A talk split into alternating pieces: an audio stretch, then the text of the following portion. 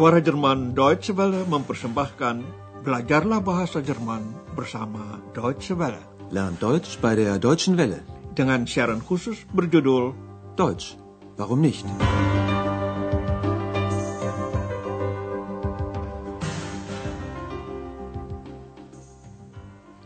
Saudara pendengar, hari ini dapat Anda ikuti pelajaran ke-24 dari seri ketiga.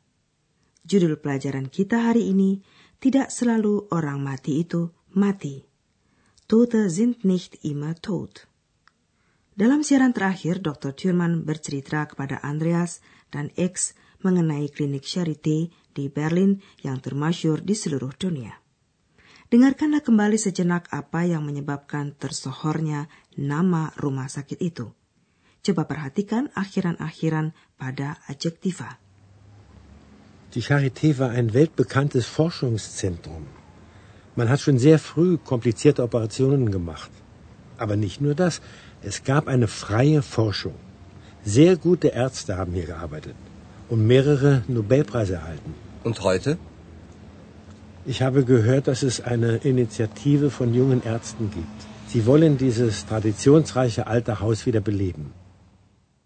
Dalam perjalanan meninjau bagian timur kota Berlin, hari ini kita akan berkunjung ke sebuah tempat menarik yang tidak jauh letaknya dari Charité.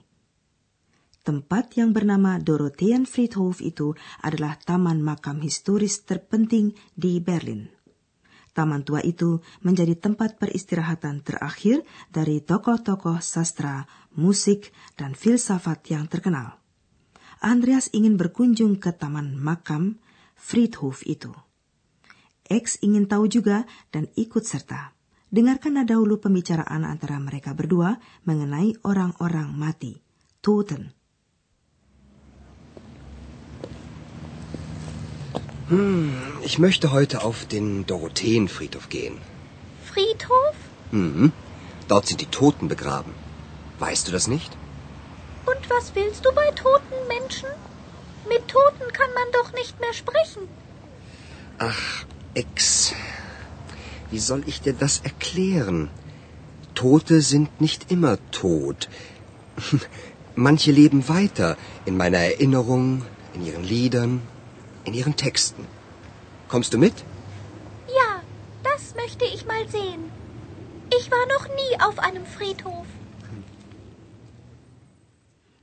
Baiklah kami terangkan percakapan itu. Andreas ingin mengunjungi Dorothean Friedhof. Ich möchte heute auf den Dorotheenfriedhof gehen. Dorothee adalah nama wanita. Nama taman makam tersebut diambil dari nama depan istri seorang raja pada waktu itu. X tidak dapat membayangkan seperti apa taman makam tersebut. Andreas menerangkan, di tempat itu orang mati dimakamkan. Friedhof? Mhm. Dort sind die Toten begraben. Weißt du das nicht? X tidak mengerti mengapa Andreas mau berkunjung ke tempat orang mati yang tidak dapat diajak bicara lagi. Und was willst du bei toten Menschen? Mit Toten kann man doch nicht mehr sprechen. Andreas mencoba menjelaskan kepada X bahwa orang mati itu dapat hidup terus, yaitu dalam kenangan kita dan dalam lagu-lagu atau teks ciptaan mereka. Tote sind nicht immer tot. Manche leben weiter. In meiner Erinnerung, in ihren Liedern, in ihren Texten. Kini mereka berdua sudah sampai di Dorothean Friedhof. Di dalam naungan pohon-pohon tua yang rindang, mereka melewati batu-batu nisan bertuliskan nama mereka yang sudah almarhum. X membacakan nama para seniman dan Andreas mengenang karya mereka masing-masing. Marilah kita ikuti jalan penuh kenangan itu. Pertama-tama, Andreas dan X melewati makam dari dua filsuf besar di abad ke-18, yaitu penganut idealisme Fichte dan pencetus dialektika Hegel.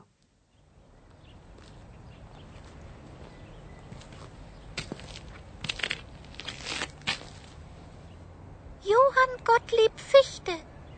1762 bis 1814.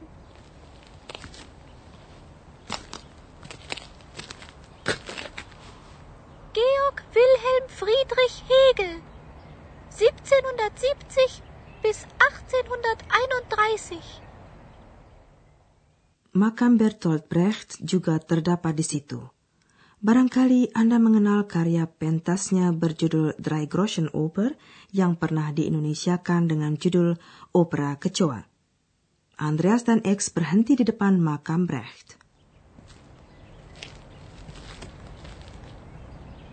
Bertolt Brecht 1898 bis 1956. Brecht mempunyai nama termasyur sebagai penulis puisi dan drama. Andreas menghafal bait terakhir dari syair. Kepada mereka yang lahir setelah kami. Andi nach geborenen yang dikarang oleh Brecht di tempat pembuangannya di Denmark. Brecht meminta pengertian bagi generasi sebaya dia yang anggotanya tidak sanggup menjadi penolong, helfer bagi sesamanya dan tidak dapat bersikap ramah, freundlich. Ach, wir, die wir den Boden bereiten wollten für Freundlichkeit, konnten selber nicht freundlich sein. Ihr aber, wenn es soweit sein wird, dass der Mensch dem Menschen ein Helfer ist, gedenkt unserer mit Nachsicht. Helene Weigel Brecht 1900 bis 1971. Helene Weigel, yang menikah dengan Brecht pada tahun 1929, adalah seorang aktris besar. Pada tahun 1948, bersama Brecht didirikannya Teater Berliner Ensemble yang kemudian dipimpinnya. Dengarkanlah kini lagu yang dinyanyikan oleh pemeran tokoh utama dalam drama Mutter Courage und ihre Kinder. Drama tersebut ditulis oleh Brecht pada tahun 1939 dan lagu dibawakan oleh Helena Weigel. Ihr Hauptleut las die Trommel ruhen und lasst euer Fußvolk halten an. Mutter Courage, die kommt mit Schuhen, in denen's besser laufen kann. Mit seinen Läusen und Gettieren, Bagagekanonen und Gespann soll es euch in die Schlacht marschieren, so will es gute Schuhe han. Das Frühjahr kommt, wach auf, du Christ, der Schnee schmützt weg die Toten rund. Und was noch nicht gestorben ist, das macht sich auf die Socken nun. Saudara, karya pentas tersebut berupa dramatisasi catatan sejarah dari zaman perang 30 tahun pada abad ke-17, sekaligus merupakan karya pendidikan mengenai perang. Tokoh wanita Muta Courage itu adalah contoh bagi orang-orang papa yang harus berjuang untuk dapat mempertahankan hidup dalam perang. Hans Eisler 1898 bis 1962. Komponis Hans Eisler bekerja sama secara erat dengan Brecht. Dengarkanlah sebuah cuplikan dari lagu Balade vom Wasserrad. Liriknya mengenai kincir air itu merupakan perumpamaan. Sama seperti air menggerakkan kincir, banyak orang harus bekerja untuk sekelompok kecil. Di Herren. Seharusnya bukan begitu keadaannya. Yang menjadi air atau orang kebanyakan harus menjadi sadar akan kekuatan mereka sendiri, akan swadaya.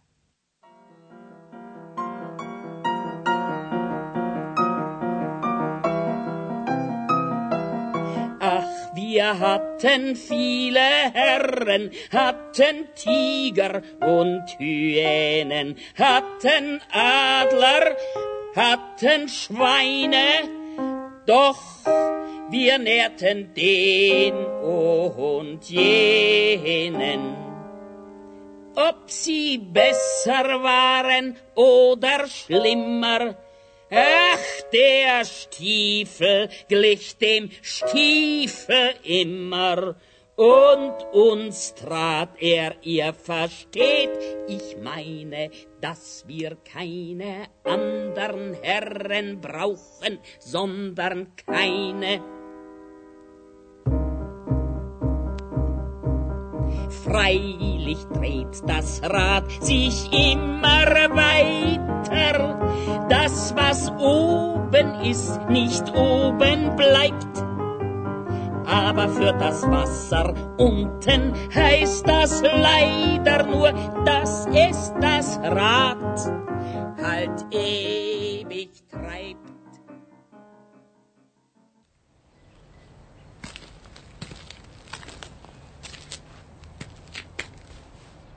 Heinrich Mann, 1871 bis 1950.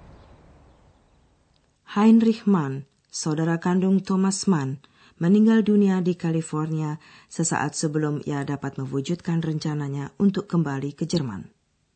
Pada tahun 1905, terbit novelnya Profesor Unrat yang difilmkan pada tahun 1930. Peran utama dalam film berjudul Der Blaue Engel itu dimainkan oleh Marlene Dietrich. Sebagai penutup, dengarkanlah sebuah lagu dari film tersebut.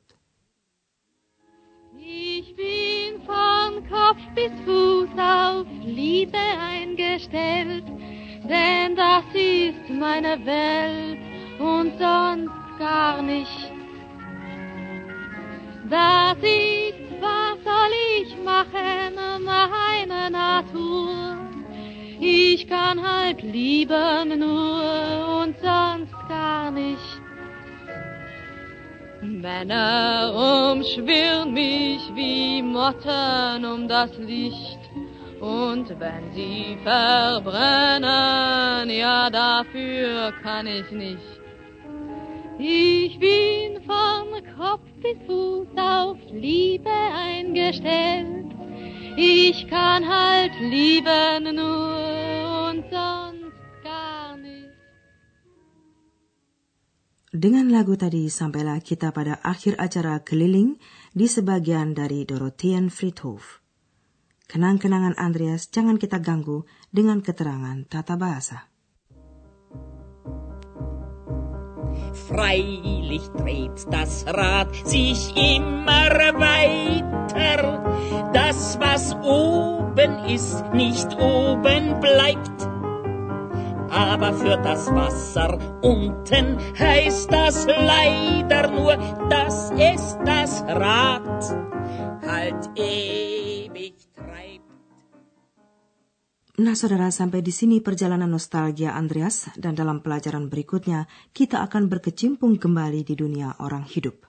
Andreas, X, dan Dr. Thurman akan membicarakan rencana mereka di masa depan. Sampai jumpa, auf Wiederhören. Dari rangkaian Learn Deutsch by der Deutschen Welle, telah Anda ikuti pelajaran dari kursus bahasa Jerman, Deutsch, Warum nicht? Berdasarkan naskah dari Nyonya Herard Meise dari Goethe Institut di München dan diproduksi oleh Suara Jerman Deutsche Welle.